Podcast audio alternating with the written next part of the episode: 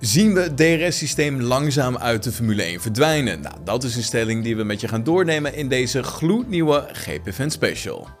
DRS werd in 2011 geïntroduceerd en zorgt er in het kort voor dat de luchtweerstand van de Formule 1-auto tijdelijk wordt verlaagd door een klep in de achtervleugel te openen. Dit mag alleen in de zogeheten DRS-zones en als een coureur binnen een seconde van zijn voorganger rijdt op het moment dat hij voorbij het detectiepunt komt. Hierbij kan de desbetreffende wagen voor een korte tijd een hogere topsnelheid halen, wat het inhalen ten goede komt. Maar goed, zelfs met het DRS-systeem bleek het de afgelopen jaren toch best wel een opgave te zijn om een inhaalactie in te zetten.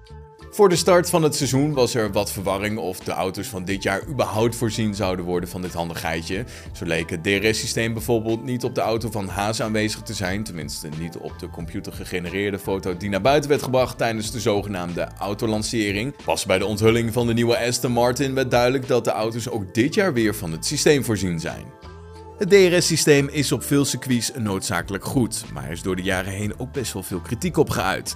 Het blijft toch ook een soort van kunstmatige manier van inhalen, waardoor sommige fans het liever zien verdwijnen. Nou, voor hen is er voorzichtig goed nieuws, want het is namelijk niet uitgesloten dat het gebruik van het DRS-systeem tijdens dit seizoen zal worden teruggeschroefd of misschien helemaal zal gaan verdwijnen als het blijkt dat de nieuwe reglementen het gewenste effect hebben. Zoals in Australië, daar maakte de VIA eerst bekend dat ze een vierde DRS-zone in het leven hadden geroepen.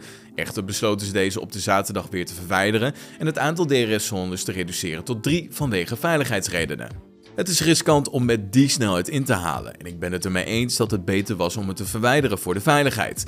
Maar dat is waarschijnlijk wel wat we hebben gemist voor een beetje meer spektakel, zo zei Fernando Alonso. Technisch directeur Andrew Green van Aston Martin zei aan het begin van het seizoen dat de VIA ja, per circuit aan het kijken is of er een DRS-zone aangepast moet worden. Als het uitpakt zoals ze denken dat het uit gaat pakken, waarbij de auto's elkaar makkelijker kunnen volgen, hebben ze niet zoveel meer assistentie van de DRS nodig. Ik denk dat we met de tijd DRS-zones ingekort zien worden of zelfs zien verdwijnen. Wat mij betreft zou dat iets goed zijn. Na de race in Jeddah kwam het debat over het eventuele afschaffen van de DRS weer naar boven.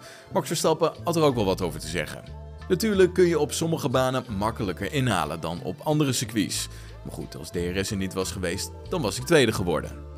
Andere coureurs zijn het met Verstappen eens. Het DRS-systeem is ondanks de verbeteringen nog altijd nodig. Leclerc vertelde na afloop van de race in Jeddah bijvoorbeeld dat het volgen van een andere auto inderdaad is verbeterd, maar dat het nog niet genoeg is om zonder DRS te kunnen rijden. Zijn teamgenoot Carlos Sainz zei zelfs dat het zonder DRS onmogelijk was om in te halen.